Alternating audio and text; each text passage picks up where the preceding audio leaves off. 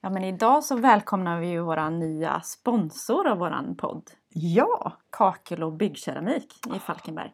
de är så fantastiska. Ja, Ja, det är vi de ju. är så himla nöjda för ja, det var ju så här att vi, vi har ju faktiskt hittat ett fantastiskt kakel.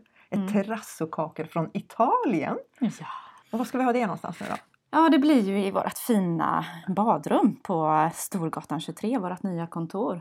Precis. Och det är ju, alltså vi har ju letat runt med massa olika varianter men så fastnar vi för terrasso ju. Ja, det blir så himla mäktigt. Ja, det blir jättekul. Men sen är det ju så himla härligt och de på Kakel och byggkeramik de har ju två våningar med eh, olika prover. Ja. Allt ifrån golv till kakel liksom. ja, Så man kan ju fastna, fastna där rätt lätt. det gör man ju. Ja. Svårt att komma därifrån. Och sen är de ju så himla hjälpsamma och trevliga liksom. Mm. Och de kommer ju hjälpa oss med allt där på i det nya badrummet och sätta in allt kakel och göra hela arbetet helt Ja, enkelt. De gör ju allt ifrån att Mm. liksom, hjälpa oss att välja kakel till Mm. att faktiskt sätta dit det Precis. på ett sjukt proffsigt och, serviceinriktat sätt. Ja. Välj dem! Jag Gå in och kolla! Ja. Och kom och hälsa på oss och se hur resultatet blev ja. på Storgatan 23.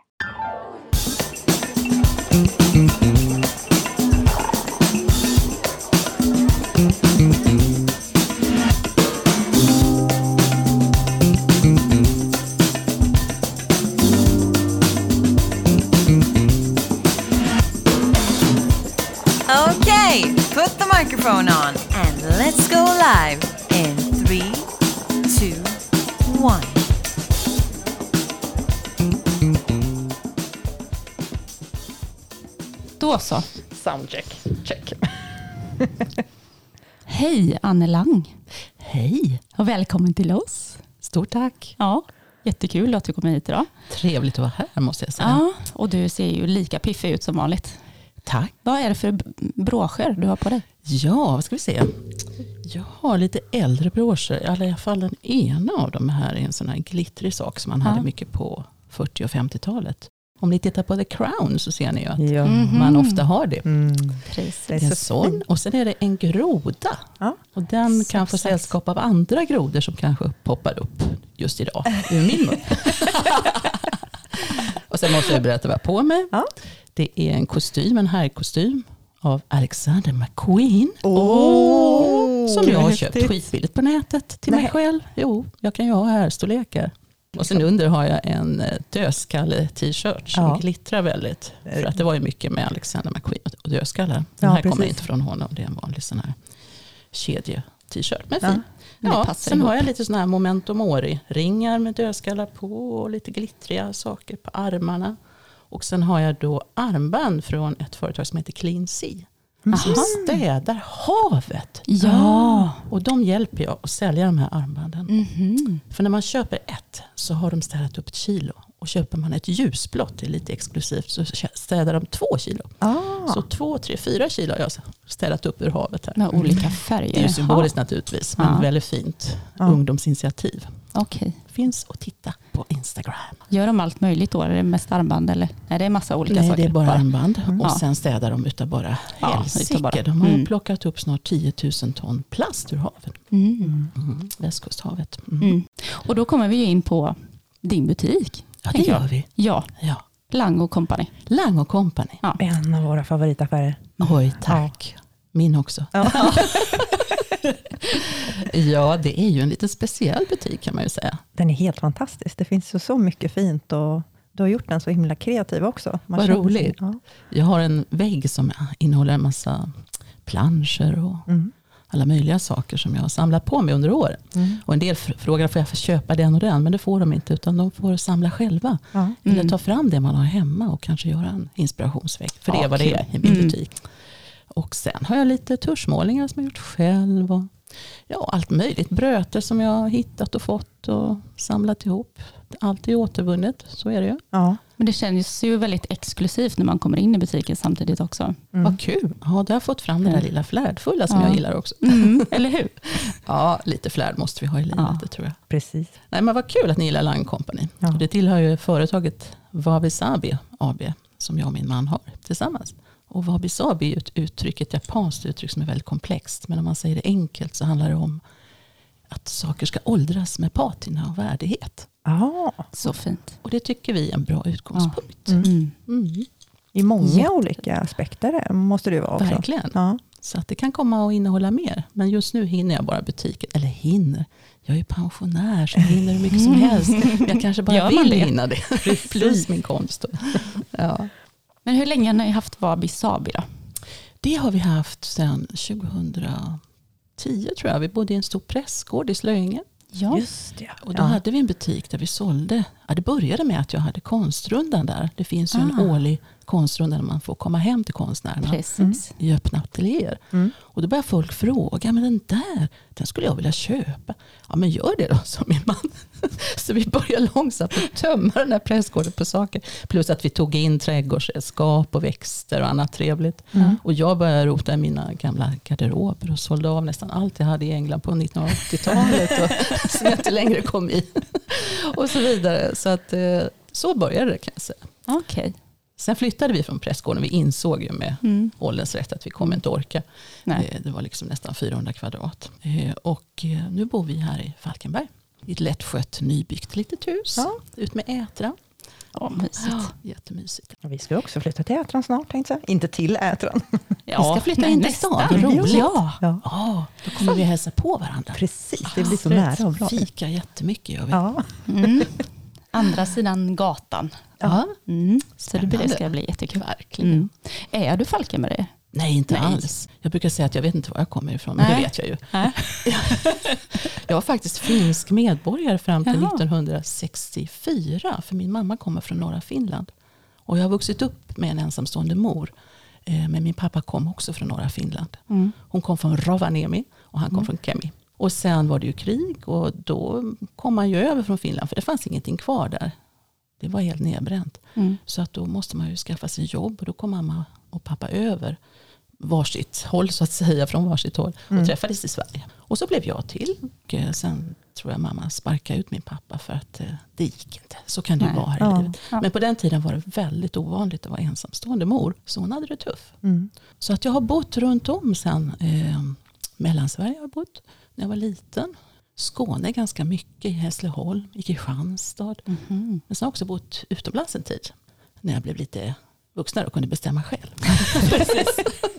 Var det direkt då? och sen 18 har jag bott du? i, ja, så jag vet knappt var jag är ifrån. Men, Men nu har du... jag faktiskt bott i Halland sedan 91. Min man jobbade för ett, han blev värvad till det stora skoföretaget som finns i Varberg. Ja, jag har ju jobbat där också. Och du har ju jobbat där också. Ja, men det var inte när han var där. Nej. Nej. Att han Så hade så hamnade vi i Varberg Ja. och sen Just blev vi kvar i Halland. Vi tycker om Halland. Det Ja. har allt utom Ja. fjäll. Ja. Precis, ö, ingen snö, inte så mycket snö. bara. Nej, Nej. det hade det ett tag. Ja. Det var snö. För kanske, den sista bilden jag har från 2008 tror jag. Då Ja. gjorde vi snögubbar. Ja, det var precis. Då hade vi flyttat hit med. Fick jag skapa Men så ser det ut, klimatförändringarna. Ja. Mm. Mm. Det kommer vi inte runt. Nej. Vad är den eh, roligaste, häftigaste platsen du har varit på eller bott på då? Känner du? Ja, det får väl ändå sägas att det är, ska jag tänka här så att jag säger verkligen från hjärtat. Ja, men det är nog London. Ja. Ja, Mm. där fanns ju så mycket. Liksom. Man kunde ju bara promenera runt och till olika stadsdelar. Museer hängde jag på jämt. Okej.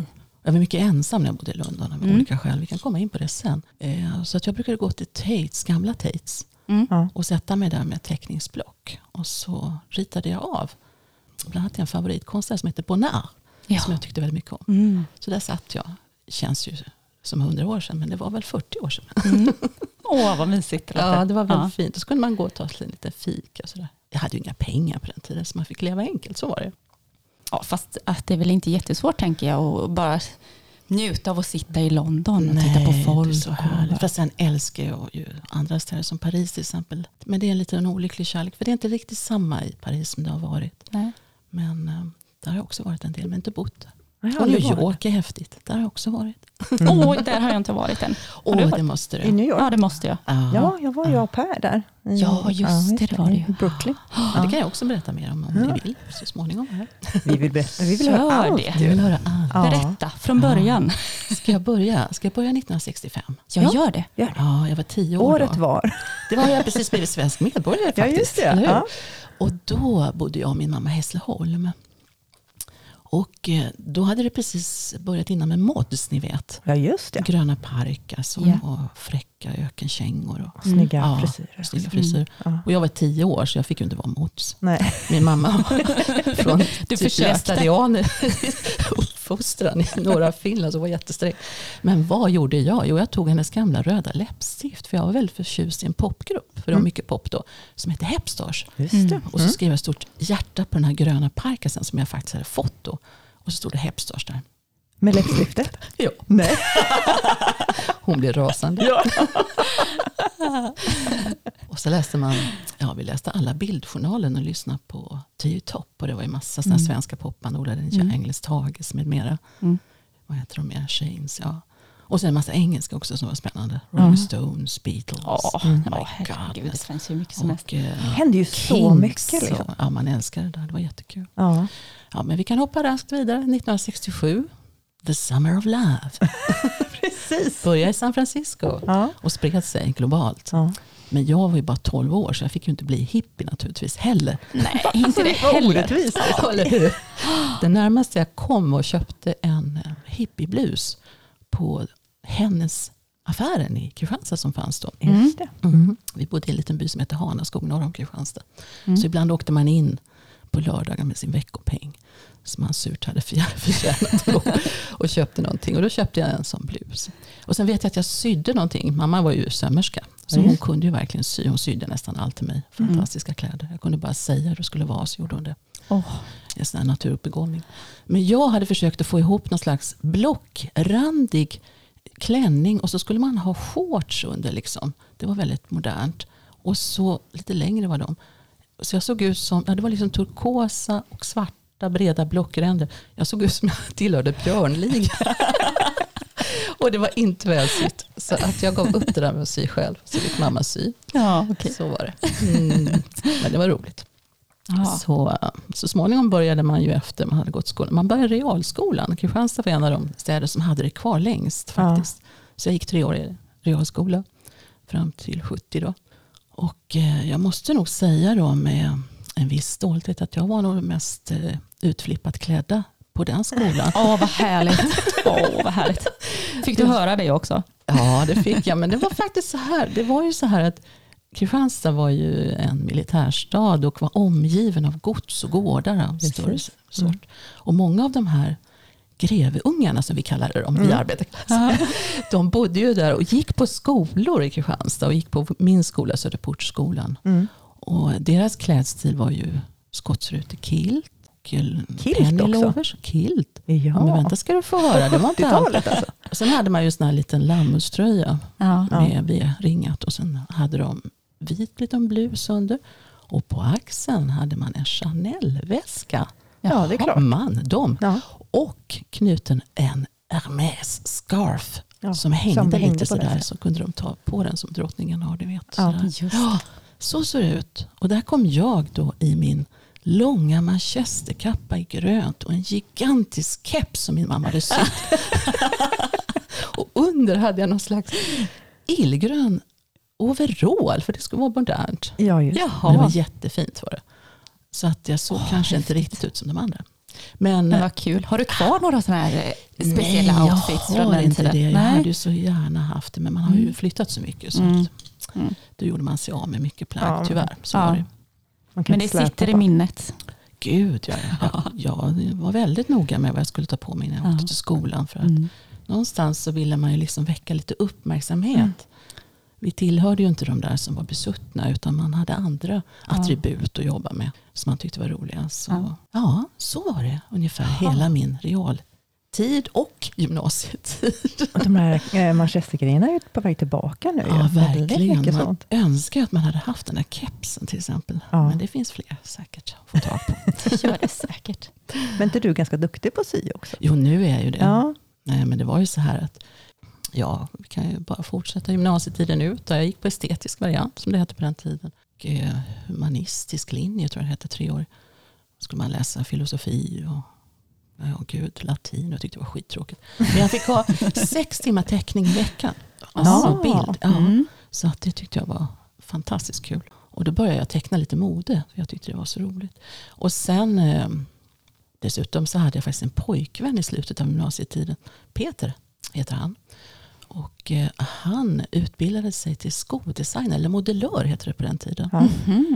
På Knislinge skofabrik. Knislinge låg fem kilometer från Hanaskog så vi träffades Okej. väl på något fina sväng in eller något annat häftigt disco. och då, då skickade de honom på utbildningen i Milano. Nej. Jo, och så att jag köpte så här interrailkort. Det hade precis kommit. Ja. Och satte mig på ett tåg och åkte ner och hälsade på honom. Och så shoppade jag loss där i Milanos butik. Åh, vad underbart. Och jag hade tjänat in pengarna från Knislinge handelskiosk och också en butik som jag jobbade på. Butik, Butik, det ja. på den tiden. Ja. Som hette Zebra, fanns i Kristianstad. var en väldigt elegant kvinna Ja. som hade den som hette Ann. Ann. Och, eh, så jag hade lite pengar på kassan. Så jag köpte så här fina saker i Milano och kom hem. Och det är klart att det sågs inte med sådär jätteblida ögon kanske på skolan. Att man var sådär tjusig då. Men Nej. jag struntade lite det. Men gud, vad, alltså det måste varit, jag har aldrig varit i Milano, men det måste ju ha Ja, varit på så, den tiden, det var ju Oj. helt otroligt. Eh, Ja, ett riktigt mecka. Liksom. ett riktigt mycket. Mm.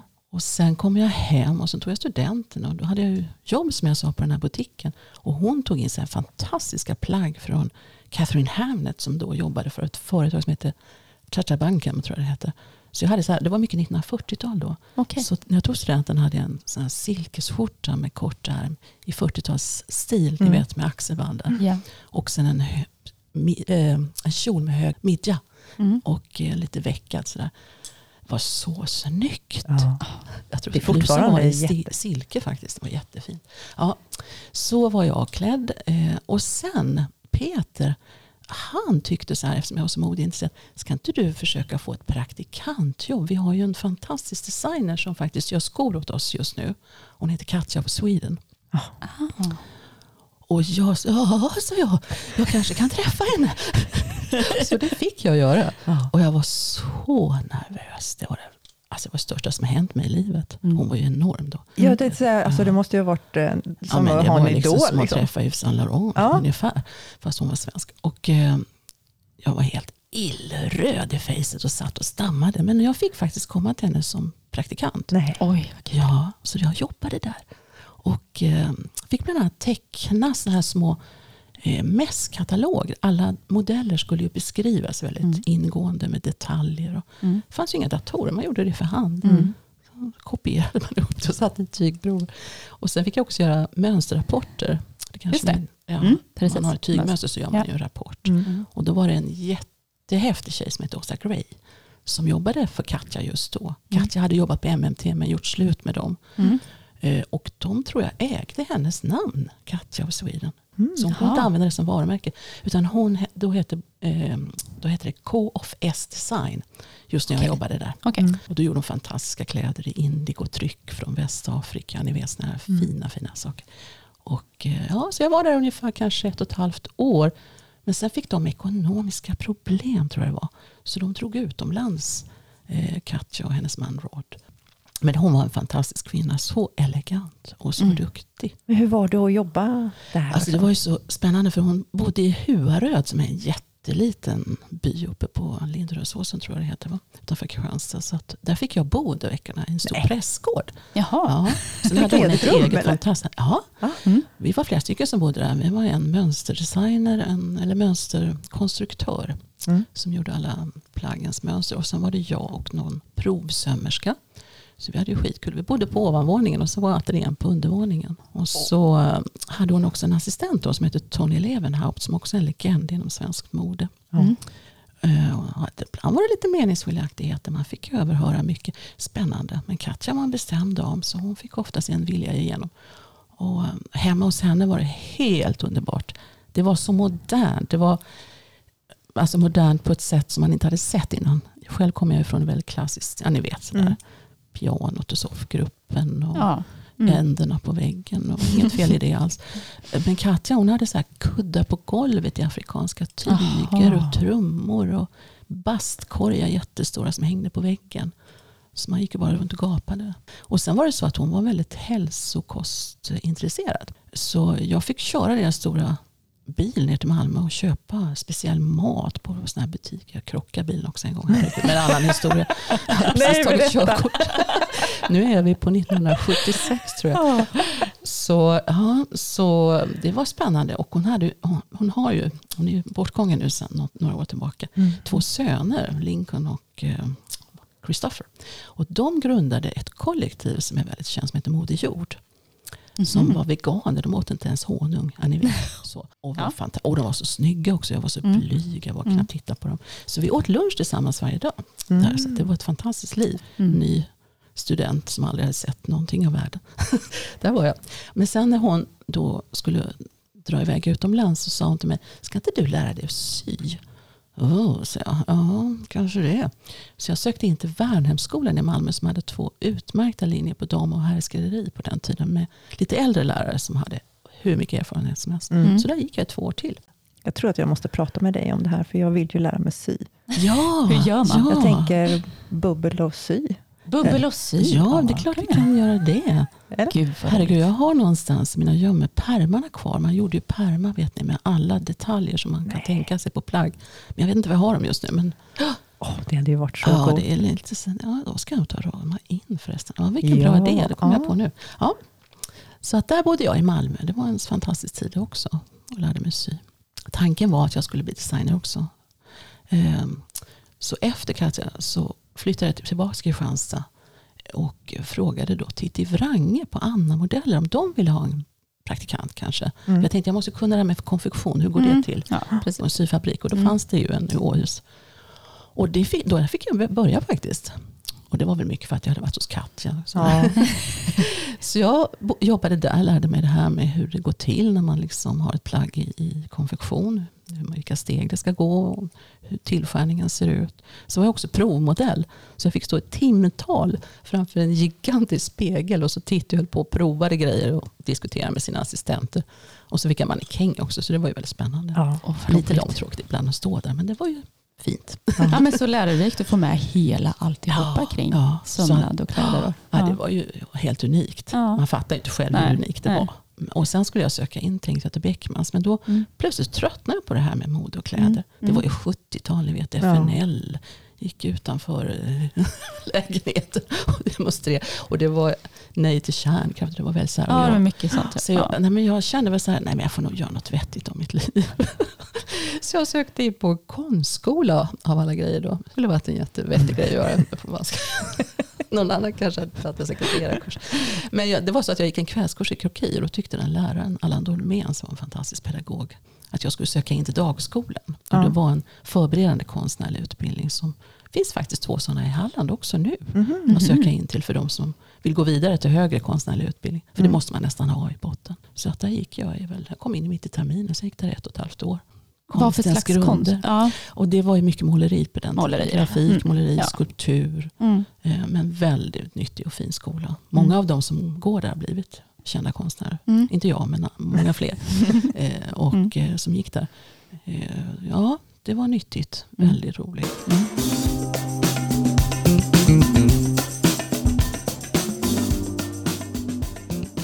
Nej, och så sommarjobbade jag lite för jag hade ju egen liten etta då med dusch, gemensam dusch i källaren och. Åh, mysigt. De andra bodde i kollektiv tror jag, på skolan, konstskolan. Och eh, då behövde man ju pengar. Så att jag jobbade på, städade och jobbade på en eh, badrestaurang i Åhus på sommaren. Där, efter jag hade gått ut precis då. Jaha. Och då dök det upp en fotbollsspelare som de hade importerat till Mjällby fotbollslag. Som heter Frank Worthington.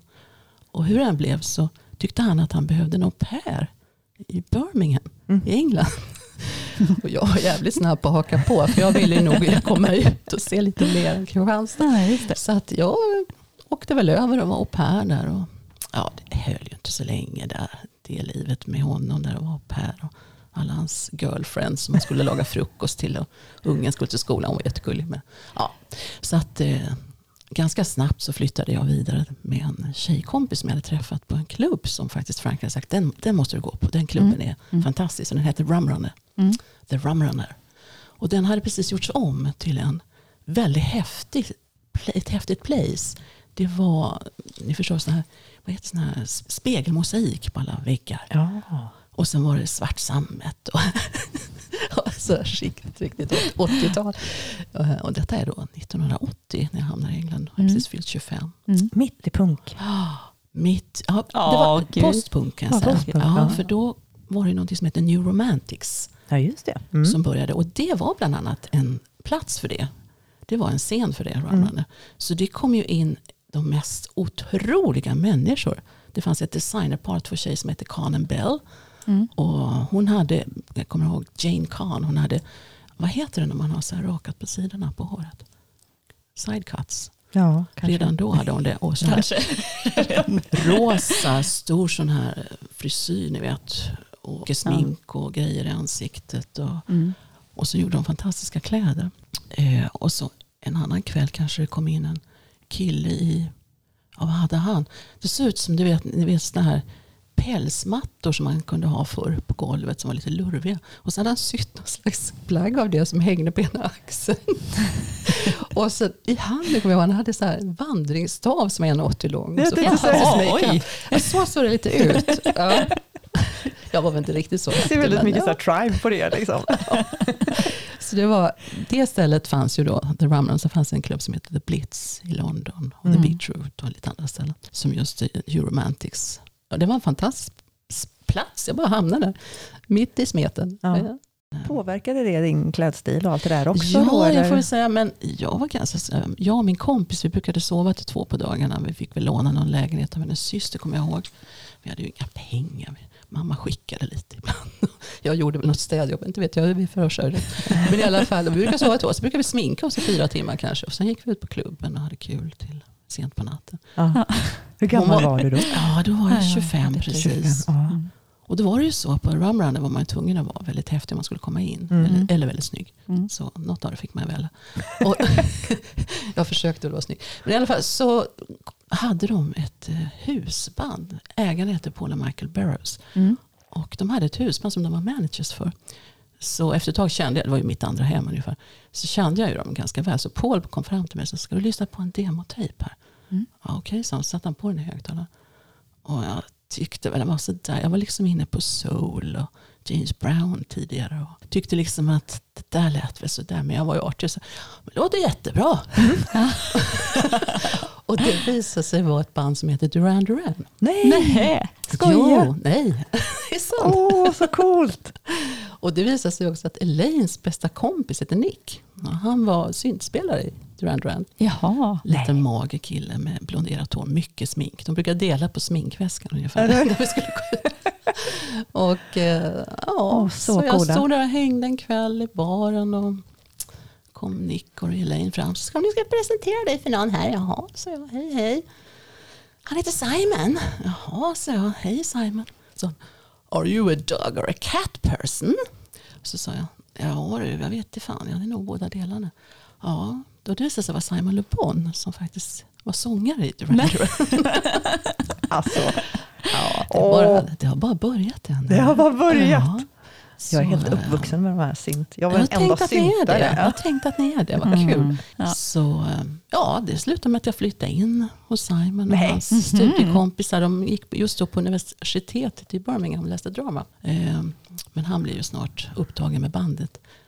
Sen började de turnera och skulle då också USA lanseras. Ja. var ju tanken. EMI hade signat dem. Eh, och under tiden förresten när han var på turné brukade jag gå på såna marknader och handla en massa tyger och sy upp helt fantastiska kreationer till mig själv och flickvännerna i bandet. Så det var också en sån här grej som jag tyckte var kul att göra. Och då blev i alla fall tjejerna blev medbjudna till att komma till New York. Jaha. Vi flög över där. Häftiga var vi. My goodness. ja, så när vi kom in på hotellet kom jag ihåg folk började fotografera oss. Så jag trodde vi var kändisar, men det var vi inte. Mm, gud vad Ni såg ut som kändisar. Ja, vi, Ja. vi såg väldigt häftiga Ja. ut. Det hade Ja. börjat med att man tuperade håret, det började Ja. vi med. Mm. Eh, Så att det skulle vara jättestort. Mm. Så vi hade så här, det såg ut som det kom in ett gäng lejoninnor där. Jättestora Var det med den här fina manen? Eller Ja, var det, det, var liksom mer vilt tror det jag. var vilt, ja. Mm. Skulle de spela på The Mud Club, heter det. Mm. Eh, Det var ett känt, känt ställe. Och innan hade jag tillbringat mycket tid med att läsa böcker i England. Så att jag hade läst en bok av eh, en konstnär som heter Andy Warhol. Den Ja. lilla konstnären. Den, Den lilla konstnären. Och så lakoniskt rolig, sådär fåordigt rolig. Han skrev väldigt mycket om hur han åt McDonalds hamburgare. Han var i Europa i boken. Det var hans dagbok. Han. Ja, jag tyckte, den var, jag tyckte han, ja, han var min idol. Dessutom läste jag om Isadora Duncan, kommer jag ihåg, som jag också hade som idol. ja. Dansare. Ja, I alla fall på The Mud Club. Vem står där? Nej. Jo, Andy Warhol. Nej! Jo. Kan ni tänka er? Psst, My God, jag måste säga någonting till honom tänkte jag. Ja. Han stod bara där rakt fram. Och då hade han ett entourage bakom sig som bestod av kanske tio unga killar. Ja. De stod ungefär fem meter från honom så det var liksom en lucka. Så jag kastade mig in i den här luckan. Ställer mig bredvid honom och, och så tittar jag på honom och så säger Hi, I'm Anna from Sweden. How are you? Jag hette Anna på den tiden. Ja, just ingen som sa Ann. Jaha, okej, hi, sa han. Uh, I'm going to Sweden next week to paint a portrait. Och varför frågade inte jag vem, han Vem? skulle? Nej, precis. Ja. Så någon skulle ha honom att göra ett porträtt. Jaha. Kan ni tänka er? Vad är det värt idag? Ja, precis. Ja. Kanske någon som hör oss här kan ju meddela om det var just du som blev avmålad av Warhol. precis. Nåväl, eh, entouraget morrade i bakgrunden så jag drog mig tillbaka. Och sen hoppade vi in i en gigantisk limousin som Andy satt i framsätet på. Och han bör, vände sig liksom aldrig om. Han hade sån här polaroidkamera, vad det jag skulle komma till. Så han tog bilder på allt. Och han vände sig aldrig om utan tog bara bilder med blixt bakåt på oss tjej som satt i baksätet. Så någonstans i hans gigantiska samling finns, Finns faktiskt jag. Åh, vad roligt. Gud. Det uppdagades att han hade ett helt rum fullt med polaroidbilder efter hans Jaha, bortgång. Då. Mm. okej. Nej men Så det är lite kul. Men hur som helst, vi kom till Studio 54 och var där och dansade och hade kul och sådär. Alltså jag sitter helt häpen. Jag bara sitter och gapar. Ja, jag måste berätta det här, ni vill väl ha lite? jo, där hamnade vi ju också. Men hur var Så det? Det är ju liksom Ja, det legendariskt. var, var ju liksom. efter Steve Robell och nu kommer jag inte ihåg vad parten hette. Hade, de hade ju dragit ner i Konkatte tror jag. Så det var några andra som ägde, men det var samma stämning. Det var helt otroligt. Mm. Ja men gud. Och väldigt eh, hedonistiskt Mm. och så. Ja. Som man hade hört. Så att, men det var ju roligt, vi dansade på där. Och sen dagen efter skulle vi till eh, Andys The Factory. Nej, men, alltså, du fick hänga med här. Förlåt, jag måste Ja, bara ta in det här lite bara, bara ta in, ta in. Jag får ta in det här lite. Ja. Så du hängde med honom liksom egentligen i flera dagar? Då? Ja, fast vi liksom hängde ju inte så hela nätterna och så, utan det var ju på hotell. Men ja, Ja. Det var, Duran Duran Ja. skulle ju lanseras, så det här var ju stort. Ja. Så att de skulle ju då också få besöka honom på The Factory. Jag tror Ja. Nick Rhodes och han blev jättegoda vänner sen, så att eh, de umgicks nog när de hade blivit väldigt stora. Nu här var vi i början av deras karriär. Liksom. Så, ja, så vi plingade på dörren, där stod vi. hej, hej, hej, Andy öppnade. och han hade, jag kommer så väl ihåg, han hade, så vad han hade på sig. Han hade Ja. så här, rutig bomullsskjorta knäppt ända upp till ni vet, sista knappen i Ja. kragen. Och så här jättehöga jeans Jaså? typ mamjeans kallar. Som han dragit åt ganska hårt med ett bälte. Ja. Och sen hade han den där berömda peruken. Som Mm. inte jag fattade var en peruk. Jag trodde det var hans riktiga hår. Och så blev vi insläppta och så fick vi då en visning. Och, så där. och plötsligt så drabbades jag av någon slags starstruck-grej. Jag fick inte fram ett ljud. Nej, det- Nej. Jag var förstår så det. starstruck så det, ja, nu vet jag vad det ordet betyder. Mm. Man blir liksom Mm. helt stum. Så att, eh, ja, där var vi. Och jag, lilla jag, de andra babblade på men jag var så här, helt det. Ja. Ja, herregud. Så det var det. Men något får man ju ha att leva på Eller hur? när man sitter på hemmet. Så. Och sen hamnade vi faktiskt också flickvännerna på Antigua för då skulle de spela in en eh, video till ett album som hade gjorts som heter Rio. Okej. Så att, eh, där hängde jag också ett tag. Och så vidare. Precis. Ja, det Men vi tar det en annan gång. Ja, Nej, men jag bara, mycket. förlåt. Nu, Nej, det är inte för mycket. Duran Duran och Andy i samma... Det är liksom... Ja. Ja, ja. Mm. Så, Får jag byta liv? Erfarenhet här. Ja, det är vad ska jag säga, alltså det här med att hänga runt kändisar. Alltså, det är inte sådär jätte, alltså man tappar ju lite sin egen persona. Så att jag tröttnade faktiskt lite efter ett tag. När de började bli stora. Mm. Och det var ju mycket tjejer som naturligtvis florerade runt och sådär. Så att eh, jag gjorde faktiskt slut. Det gjorde slut. Ja. coolt. Jag gjorde det, för jag Ja. kände så här, nej men jag tappar liksom bort mig själv i det här, det går inte. Nej. Så jag tog mina nio resväskor och en koffert och tog tåget hem från eh, Paddington Central i London. Mm. Så gjorde jag och hamnade i Göteborg, tror jag det var först. Ja. Mm. Så det var det, det var mina 15 minutes.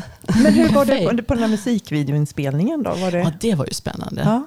Eh, vi trodde ju att som flickvänner får väl vi vara med på ett hörn. Mm. Och då fick en av oss, var det, Cheryl hette hon, hon var ihop med Nick just då. Och jag var så jävla avundsjuk på det för att jag tyckte själv att jag såg Såklart. rätt hyfsad ut. Varför fick inte jag? Nej, det var ingen som frågade något. Min baddräkt fick vara med som jag hade köpt. så det var är där vilken låt, jag måste bara spana i det.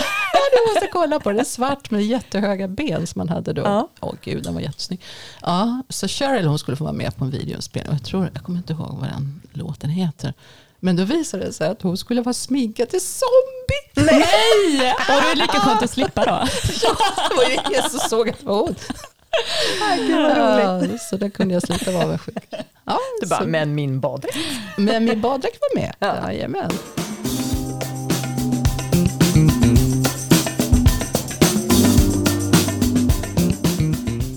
Var det givet att du skulle tillbaka till eh, Sverige? Det var verkligen inte givet. För att Nej. faktiskt var det så här att eh, vi åkte tillbaka till London sen. Och det var ta- tanken var att vi ska, faktiskt skulle förlova oss. För att eh, han hade friat. Så det. Men då var det också så här att Anne, hans mamma, hade en, en mamma som var väldigt gammal. Hon dog precis när vi kom tillbaka. Hon blev väldigt sjuk och dog, gick på om över 90 år. Och då blev det lite, då genomför man ju inte en förlovning mitt i det hela arbetet.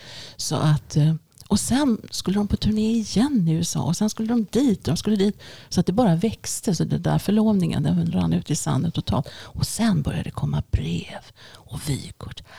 Hi Simon! Ja. Och Ja. då kände jag att nej men det här kan jag nog inte riktigt leva med. Så att, eh, ja, det var då jag faktiskt gjorde slut. För jag kände att, Starkt, bra Mm. gjort. ja, var det inte det? Jo. ibland kan man göra. Men sen gifte han ju sig med världens snyggaste fotomodell. Jasmine Le Bon, Ja. 85. Ja. Och de har varit lyckligt giftiga. Giftiga? Giftiga! ja, det var något freudianskt. Sen dess. Var det grodan nu? Grodan, hej grodan. Quack. Ja, så att eh, det blev bra alltihopa ändå faktiskt tyckte jag. Mm. Det tycker jag. Och sen åkte jag hem och vad gjorde jag sen? Ja, jag födde ju faktiskt barn och hade träffat en, min man. Och jag hade tidigare äktenskap först och sen hade jag träffat en man som jag har nu. Och så hela 90-talet gick jag åt i småbarnsår. Och Mm. Mm. jag jobbade också som dekoratör åt Nilsson Group då. Mm. Ja, just det. Jaha, du jobbar Ja, också där. Så jag jobbade som Mm. både på din sko och åkte runt och skyltade Mm. fönster. Och jag jobbade på gjorde skyltfönster åt Nilsson. Ja, Som jag ja. skickade ut material Just till det. alla. Jag tyckte de var sådär lagom kul kan jag säga. Det kom en massa konstiga grejer som jag skickade ut. De skulle sätta upp. Det höll jag på med hela 90-talet. Ja. Fram Men hur såg 2000. skyltfönstren ut då? För det På den tiden var det liksom små rutor i skyltfönstren. På just Nilsson-affärerna var ju helt nya Mm. det är så. Just det. Så att jag fick liksom tänka i rutmönster där. Mm. Så det var lite minimala små plattformar man skulle jobba med i varje ruta. Mm. Jag har bilder kvar på det, men det var rätt så skoj ändå. Jag Mm. hade ett eget litet företag som jag fortfarande, nej det har jag inte, jag har lagt ner det, vi har ett aktiebolag nu. Ja, men det hade jag rätt länge som sysselsättning bredvid Mm. konsten då, och småbarnstiden. Eh, Så att jag höll på och målade hemma i köket och kom med i konstnärsföreningen i Varberg. Eh, Började ställa ut lite grann. Mm. Jobbade pedagogiskt med barn och unga mycket i Varberg som jag tyckte var roligt. Och då hände det sig att de ringde från länsmuseet dåvarande i Halmstad och frågade om jag ville ha ett vick. Okej. Och då sa jag ja till det. Och så började jag jobba med regional konstutveckling. Vilket var jättekul. Så det har jag jobbat med i 20 år sedan dess kan jag säga. Just det. Under olika huvudmän då. Ja, okej. Hur är det Men- då? Liksom? Ja, det är jättekul. Men också väldigt tufft. För jag hade ju ingen... Alltså från början när jag fick sen tjänsten så hade jag ju ingen högre konstnärlig utbildning. Vilket inte sågs med blida ögon av en del av konstnärerna. Nej. Eh, Så att jag fick kämpa på rätt bra för att bli accepterad. Men det gick fint. Mm. Eh, Vi började jobba med konstnärers villkor tidigt och hur de skulle kunna bo och verka i Halland och hur vi skulle kunna visa konst här och så vidare. Så under den tiden, ja det hände mycket faktiskt i samarbete med både då Hallands konstmuseum som det sen blev då. Eh, Dessutom en ny byggnad till Hallands Ja, konstmuseum. Så det har jag varit med om och suttit med i olika möten kring. Det har varit jätteroligt Ja, och intressant kul. och spännande. Och eh, sen hamnar vi på Region Halland. Mm. Alla, alla utvecklare som det sen heter inom olika kultur och konstområden. Så där har jag jobbat då sedan 2010. Fram till eh, 1 januari i år. Ja. Jaha, ja det är så pass nyss. Ja. Just det. Så, Ja. och där var jag chef också under ungefär tio år. Vilket också var intressant och Mm. lärorikt. Men hur är det att jobba med konstnärer? Ja, det är inte det enklaste. Nej, vi är ganska nå- besvärliga ibland ska jag säga. Ja. Men samtidigt är det ju enormt givande och roligt. För att det blir ju ofta så spännande saker som händer. Och konstnärer har ju ett annat sätt att tänka på. Precis, att se och... Och ser saker på ett annat vis. Mm. Och den samtida konsten har ju väldigt mycket gått in för det. Att eh, väcka frågor och visa på saker som vi kanske inte tänker. Jag tycker om äldre konst också, absolut. Men den samtida konsten är ju spännande på det viset. Ibland kanske lite svår att förstå om man inte är van konst. Man inte tittar sådär jättemycket på konst. Men tar man sig lite tid så är det inte så krångligt. Ja, jag har sett mer konst än de flesta kan jag nog säga. I Halland i alla fall. Men hur funkar konstnärerna i, överlag emellan varandra? Liksom? Har de ett bra... Ja, det är väl både och. Man är ju Ja. ganska ensam som konstnär. Man Ja, sitter ju och jobbar själv, mycket ensam. Mm. Eh, Men det är ju därför det finns konstnärsföreningar där man kan träffas och Mm. Mm. kanske göra projekt ihop. Där har jag varit med i många sammanhang. Ofta kanske man slår sig ihop också. Några konstnärer som har samma idésfär och vill jobba med någonting Mm. speciellt. Mycket kring miljö just nu. Mm. Ja. Det ju så Ja. spännande. Mm. Eh, Sen kan det vara konkurrens. Mm. Det är ju så att man säljer kanske inte sådär jättebra alla gånger. Mm. Om någon annan gör det, ja då är det inte så kul att sitta där och inte vara den som har sålt något. Nej. Så att, eh, ja, Precis. det är en tuff värld, Mm. konstvärlden. Den är väldigt speciell också. Om Mm. vi tänker på den globala konstvärlden så är ju den, den består ju av money, money, money. Mm. Det är klart. Och en liten konstnär i Halland är ju inte där liksom, utan då är det någonting annat man får inrikta sig på. Mm. Mm. Kanske först synas lokalt och regionalt och sen ta sig utanför och inte bli kvar här utan också tänka att det finns andra ställen. Mm. Ja, Precis. Men du har också varit med i hela den här utvecklingen med IT nu och liksom hur man Ja. exponerar konst Ja. på ett helt annat sätt än, ja än vad den var absolut. tidigare. Ja, det hade precis börjat när jag Samtidskonsten var ju så ny då. Det, Mm. Videokonst var nytt. Just Det det. precis när jag började. Jag kunde inte ens skicka ett e-mail när jag började min tjänst Nej. 2000. jag lärde mig snabbt. Så att eh, datorernas intåg, det har ju varit jättestort naturligtvis på alla plan. Mm. Mm. Och inte minst kanske administrativt och hur man, hur man jobbar Mm. med utvecklingsfrågor och allt vad det kan innebära. Jag tänker också att det har skapat en möjlighet för en exponering av konst också Ja, på, ett, på en helt annan nivå än vad... Självklart, my goodness vilka grejer man har sett. Mm. eh, ute i världen då kanske mest kan jag väl Mm. säga. Men jag har sett en hel del här hemma som har varit också fantastiskt. Vi har jättefina konstnärer i Halland. Mm. Eh, så att både ljud och ljuskonst och sånt har ju tagit fart på ett helt annat sätt med de digitala möjligheterna. Mm. Mm. Fast många gillar ju också att använda just det här lite äldre i, i sin konst. Sånt som är utgånget. Ja. Och det är fantastiskt. Mm. Sen har vi andra konstformer som är minst lika intressant. Dansen tycker jag är jättespännande. Och naturligtvis musik och skrivande. Och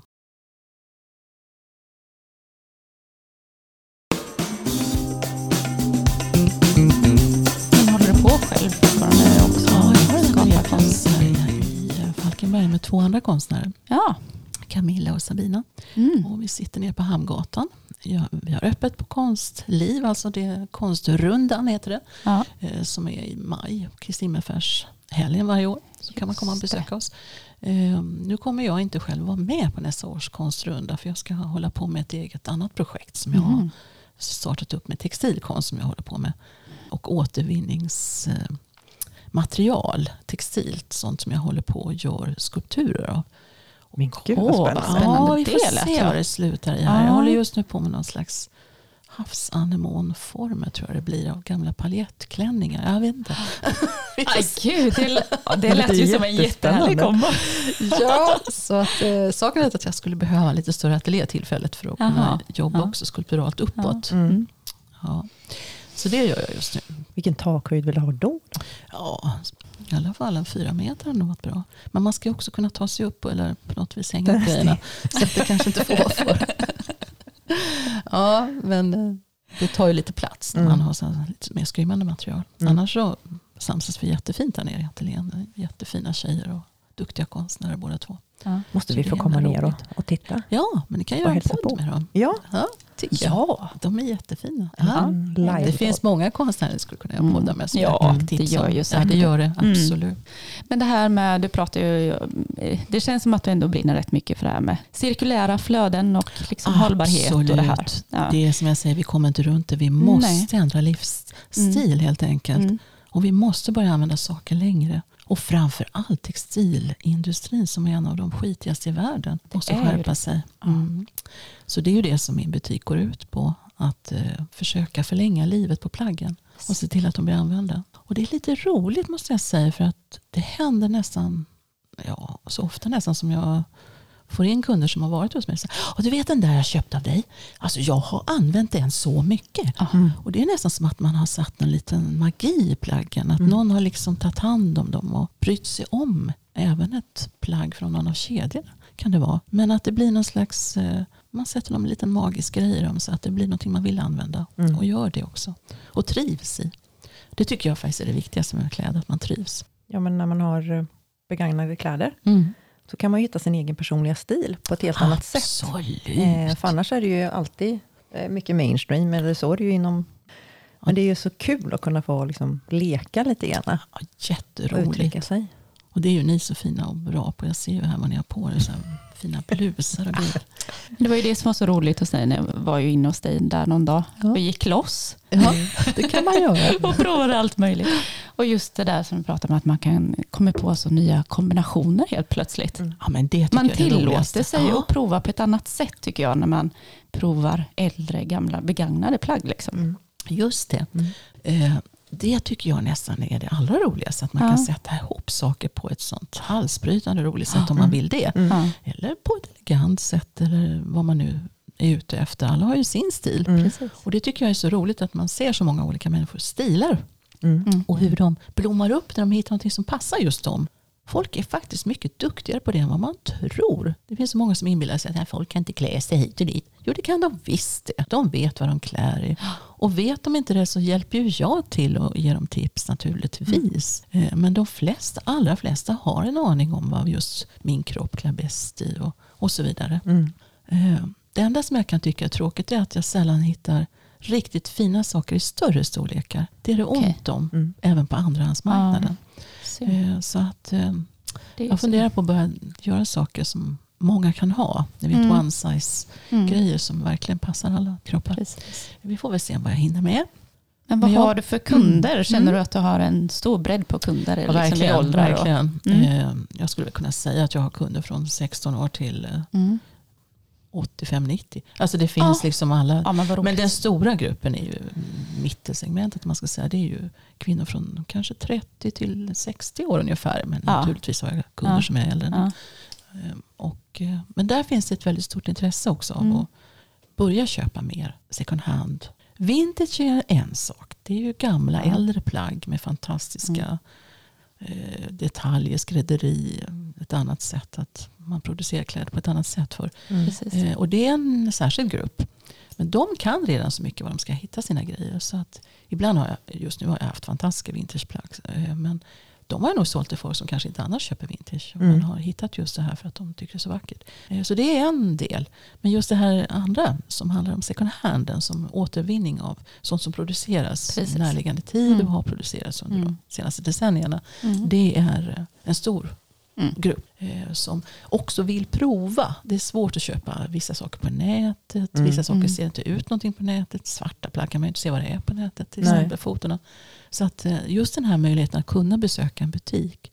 Och dessutom kan man ju boka tid hos mig. Ja, visst kan man det? Ja, det och bara få gå runt där och Det i ju med, med det stora P då. Mm. Precis. Så nu har jag haft bara bokade besök just nu när det Mm. har varit som det värst. Mm. Eh, och det fungerar bra. Eh, kunde fungera ännu bättre naturligtvis. Mm. Man kanske tror att man måste handla någonting. Det måste man verkligen inte. Det är som ett vanligt bes- butiksbesök. Men man slipper ju ha andra att trängas. Och man kan känna sig lugn. Man kan få prova lugn och ro. Och sen desinficerar jag och sprayar och grejer. Så herregud.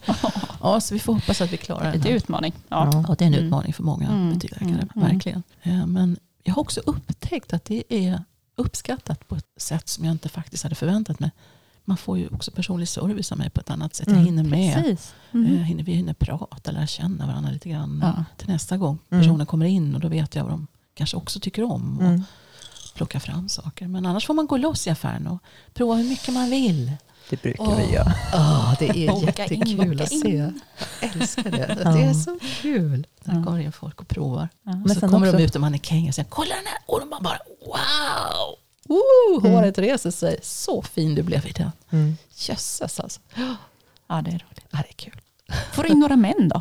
Ja, det får Ja. jag. Ja. De eh, står inte som spö i backen, Nej, men de men kommer. Mm. Just nu har jag inte så där jättemycket härkläder. Dels är det trångt i butiken som det är. Eh, och man får ju vara lite försiktig vad man köper in just nu. Då. Mm. Man vet ju inte hur länge det här var. Så att, men det finns en del fina kostymer. Det har jag sålt ganska rejält av till män. Och vi har också i Falkenberg män som klär sig otroligt smart och snyggt i vintage och äldre saker. Så att, eh, kul. Det är kul. Mm.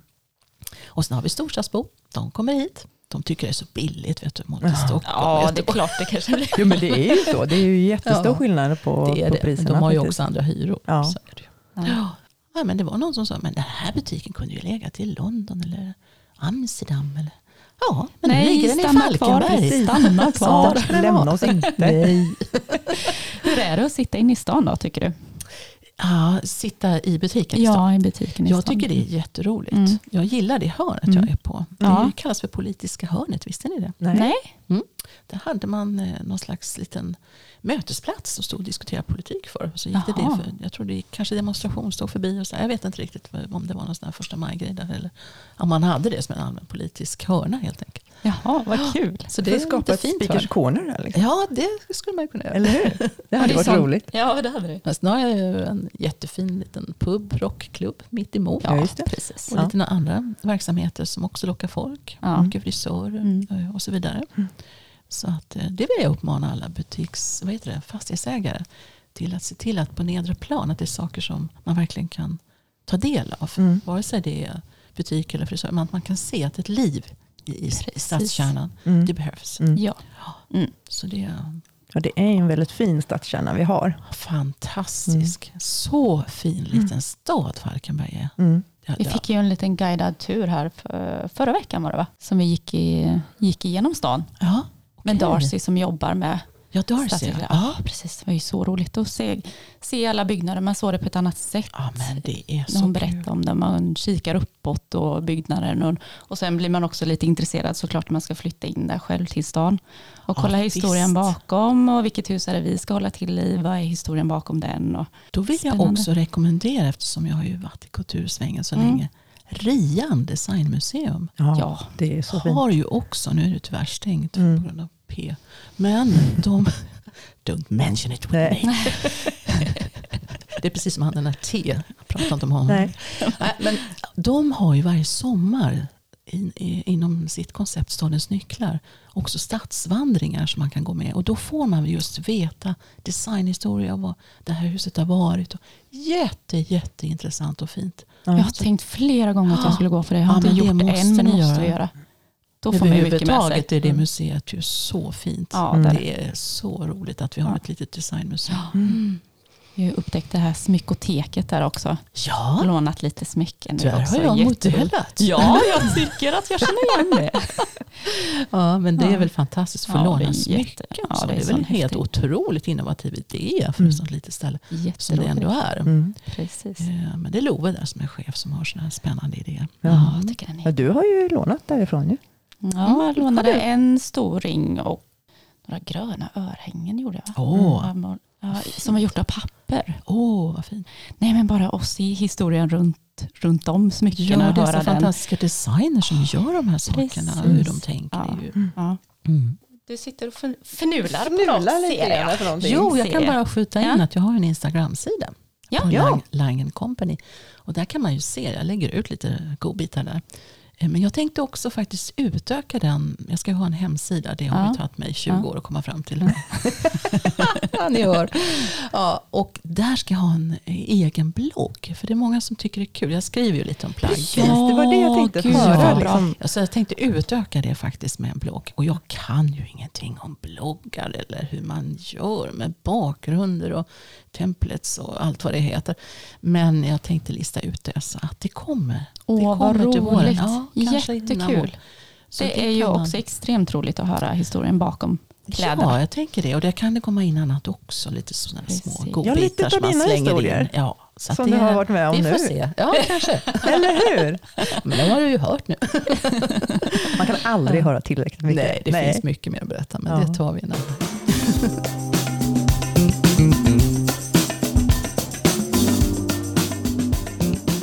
Och inte minst skötsel. Ja, Mm.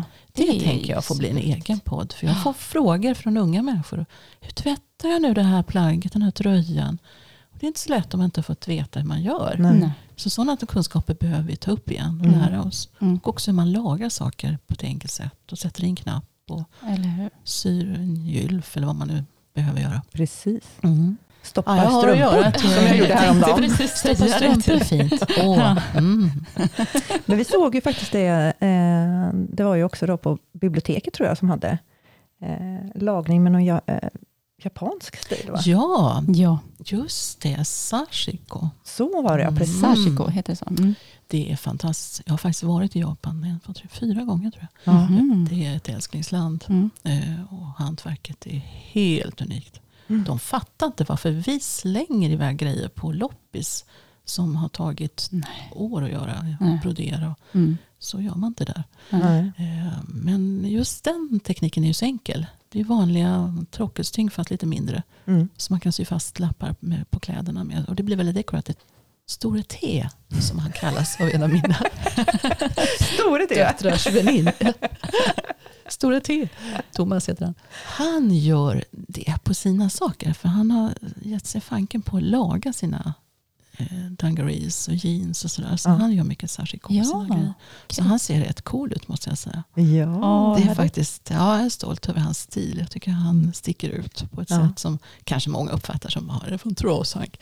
Men eh, nej, men det, det, han skulle nog passa in där i de här japanska mode Mm. Eh, människornas eh, sätt att arbeta på. Mm. Mm.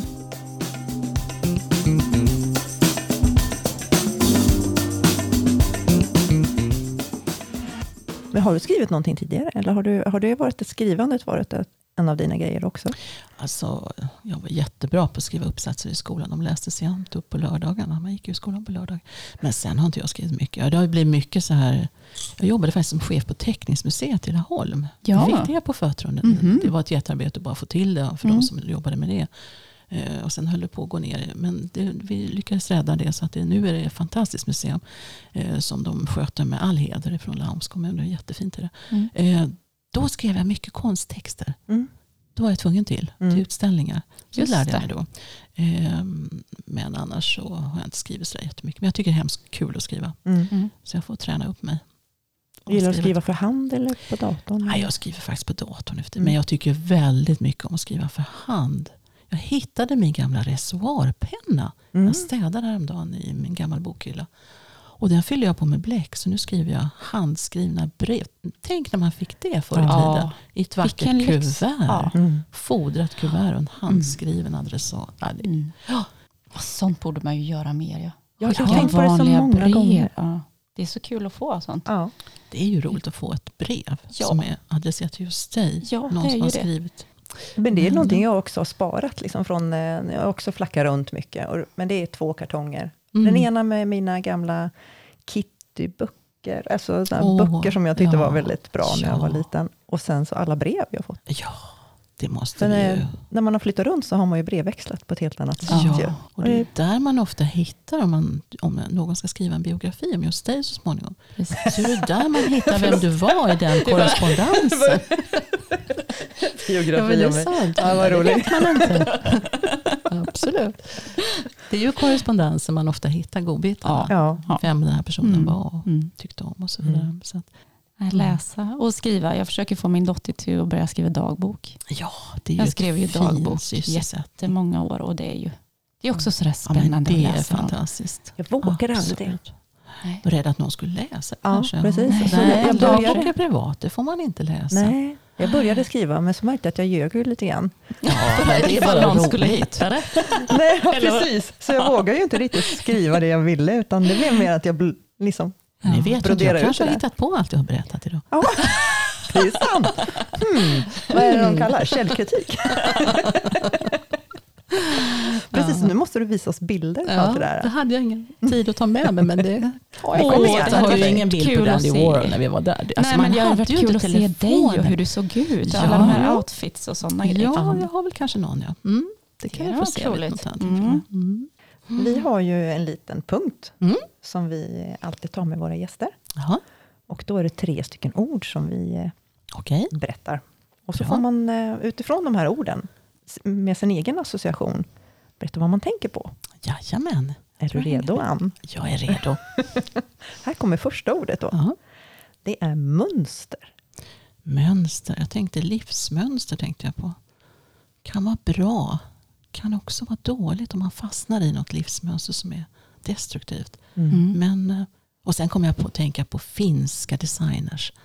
Ja, Metsovaras, fina tygtryck och Marimekko. Mekko. Ja, det hade ju Ja. du en jättefin, eh, var det i somras du hade den? Ja, som jag har sytt själv faktiskt. Nej! Jo, var det den med Tiggare i lilja Ja. heter den. Den är orange och lila. Precis. Stora. Ja, Ja. Vad var detta för plagg då? Det är en eh, lång klänning med halterneck. Alltså, Jaha. ni vet man knäpper liksom Jajamän, bak halsen. precis. Eh, som jag har sytt själv av ett tyg som jag fick av en väldigt vänlig dam. Jaha. Så den brukar jag på mig på sommaren när det är varmt. Mm. Ah, lite solbränd kanske. Ja. Mm. Så det kommer jag att tänka på. Mm. Mm, nu tog jag en bulle. Ja, tugga färdigt. Ja, det var klart. Det är. Mm, mm, mm. Nästa frå- ord är ju då färg.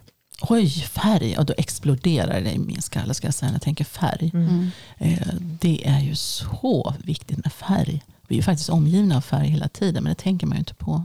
Det ser man när regnbågen tittar fram eller om du, ljuset skiner genom en prisma. Eh, Så det är ju ganska fantastiskt att tänka på faktiskt. Mm. En färg är viktigt. För mig är det att, tyvärr har jag klätt mig mycket i svart i min dag. Det blev ju så när jag var kulturarbetare. Men jag ska ändra mig. Men eh, färg, jag målar ju mycket också. Så att, eh, eller har målat mycket med färg. Sista tiden har det kanske inte blivit det. Men det skulle jag vilja återuppta igen. Så när jag tänker på färg så tänker jag på måleri mycket. Mm. Omger du dig med mycket färg hemma? Nej, det kan jag inte om man påstå. Alltså, så. det kan jag inte påstå. Vi har in, min man har, är väldigt duktig på inredning. Han jobbade mycket med det under sin eh, karriär också. Med Ja. butiksinredning och så. Ja. Men ja, han jobbade inte direkt med det. Men han var en duktig igångsättare. Kan man med säga. Det är han bra på. eh, nej, men han, när vi inredde det här huset vi bor i nu. Så utgick vi från en målning som vi har. Mm. Gjord av Lennart Otsa, en konstnär från Halmstad som är fantastisk. Eh, I svart, rött och vitt. Och plocka upp vissa färger där. Så vi köpte en del lampor och sådär som gick i rött. Och målade Precis. väggen i en viss färg som harmonerar och så vidare. Ja. Så, så kan man också göra. Man kan ha en grej som man liksom utgår från. Och ni jobbar ju med inredning så ni vet ju precis vad jag pratar om. Mm. Ja. Eh, Så att vi har, det är inte överdrivet med färg hemma så, det är det inte. Eh, Men vi tar in färginslag och sen har vi en trädgård. Och säga, där har vi en japansk baksida som är Mm. också sparsmakad. Åh, min dröm att ha en japansk får komma trädgård. hem till oss. På, Jätte, det är faktiskt jättegärna. rätt fint nu också med de här stora gräsen som vi har. Mm. Mm. Stora tunnor. Ja, det är fint. Men där har vi ju rosor då. När vi bodde på prästgården så odlade vi mycket gammaldags rosor. Mm. Och eh, den kärleken till rosor tog vi med oss in till Mm. eh, Falkenberg. Så att det blommar rätt fint på sommaren. Men det är inte mycket färg kanske. Det är rosa och vitt kanske. Nej men jag, jag älskar färg, det gör jag verkligen. Men Mm. det är inte så att jag omger mig med ett 70-talshem i massor med färg. Det gör jag inte just nu. Men det kanske kommer. Mm. Jag tänker hela ditt liv har ju ändå varit fullt av färg. Med tanke på... Ja, De här perioderna du har pratat om. Att det har varit rätt färgstarkt på många sätt. Ja. Det finns andra perioder som vi inte har pratat om som har varit eh, sorgliga naturligtvis. Sånt händer alla människor i livet. Men jag försöker hålla kvar någon slags tanke kring färgen då. Mm. Men sen såg ni kanske himlen här om kvällen. Det var lite sol och då var den helt rosa. Ja. Mm. Ja, det var så vackert. Och så var det lite Ja. molntussar. Ja. Så det finns ju färger runt om oss som vi inte får Mm. glömma att titta Nej. efter. Liksom, och titta Precis. ut från oss själva. Då är det sista frågan. Okej. Material. Material. Allt är material omkring oss. Material. We're living in a material world. Just det. Ja, nej men material kan ju vara precis allt. Från eh, leran som faktiskt mycket av Falkenbergs eh, keramiska industri en gång levde på. Både tegel och Just keramik. Och, Var ja, kommer den leran ifrån? den kommer från Ätran. Den gör det? Den förs uppifrån någonstans och har hamnat ut med sidorna här. Mm. Så det finns ju olika lerhålor här. Vi bor bredvid en. Mm. Där man tog upp lera. Och hade ju tegelfabriker och Mm. Törngrens keramiska och så vidare. Mm. Från Mm. långt tillbaka. Så att det, det finns faktiskt fortfarande. Men, men vi kunde ju se i Ätran nu hur mycket sand som hamnade på olika ställen just i somras. Mm, just det, när det var så Ja, det vi aldrig sett förr. Så det blev en, ny, det blev en liten sandstrand Ja, det blev där. ju det. Folk kom med badstolar och parasoller och barn med hinkar. Och. Det var så gulligt. Det var jättefint. Plötsligt hade vi en playa. Ja, det blev väldigt poppis. Ja, Ja, min son var där mycket. ja, Ja, det var härligt. Det var Ja. jättefint. Eh, verkligen. Han får inte vara på stranden själv. Jag tycker att Nej, det blir så mycket folk. inte. Och så, så, nej, det var perfekt cykelavstånd och bara kunna ja, doppa sig i den här. Ja. Är det ett material som du jobbar med själv? Lera? Eh, lera har jag inte jobbat med. Men Nej. jag tycker väldigt mycket om naturmaterial överhuvudtaget. Jag tycker om eh, äkta material. Kläder Mm. också. Siten och ull. Naturligtvis. Ullen är fantastiskt material. Mm. Det är väldigt underskattat i vår tid skulle jag vilja Mhm. säga. Mm. Eh, och sen tycker jag om, eh, naturligtvis tycker jag om bomull, men den industrin är ju lite dodgy. Mm. Så där måste vi börja återanvända saker som är av bomull och Mm. låta det gå in i ett kretslopp på ett annat sätt. Och också miljövänlig odling av bomull naturligtvis. Men sen tycker jag också om pinnar Mm. man hittar ute. Kan vara en pinne på stranden som har fått ligga länge, länge. Ja, det kan, man kan se mycket kul Ja, i det. hel- som man kan vi se har mål. en liten bänk figurer. hemma som min man Ja. har, har lagt alla pinnar som vi har på rad. det är små pinnar, det är stora pinnar. Och, ja, jag tycker om dem. Och så tycker jag om mossa. Det Mm. gör Thomas också. Vi älskar mossa. Men vi lyckas inte få in det i trädgården så Va? mycket som vi skulle önska. Det ska Nej. man ju ha i japanska trädgårdar. Ja. När man vill ha mossa, då jädrar gick kommer den inte. Men när man inte vill ha den, då är den överallt. Ja, ja, ja, alltså jag är, det ska ju vara såna perfekta trädgårdar, men det finns ju inget bättre än mos- mossa. Det är ju så skönt att gå på. Det är grönt ja, året om. Alltså, det, det, det är bara fantastiskt. Ja, men I Japan gör man ju tvärtom i sina. Då drar man ju upp de här grässtråna som kommer upp ur mossan. Ja. Och här ju, ser man ju hur folk liksom far ut med allt från kalk till liksom Och lav tycker jag om också. lava. Ja. Det är så vackert. Ja.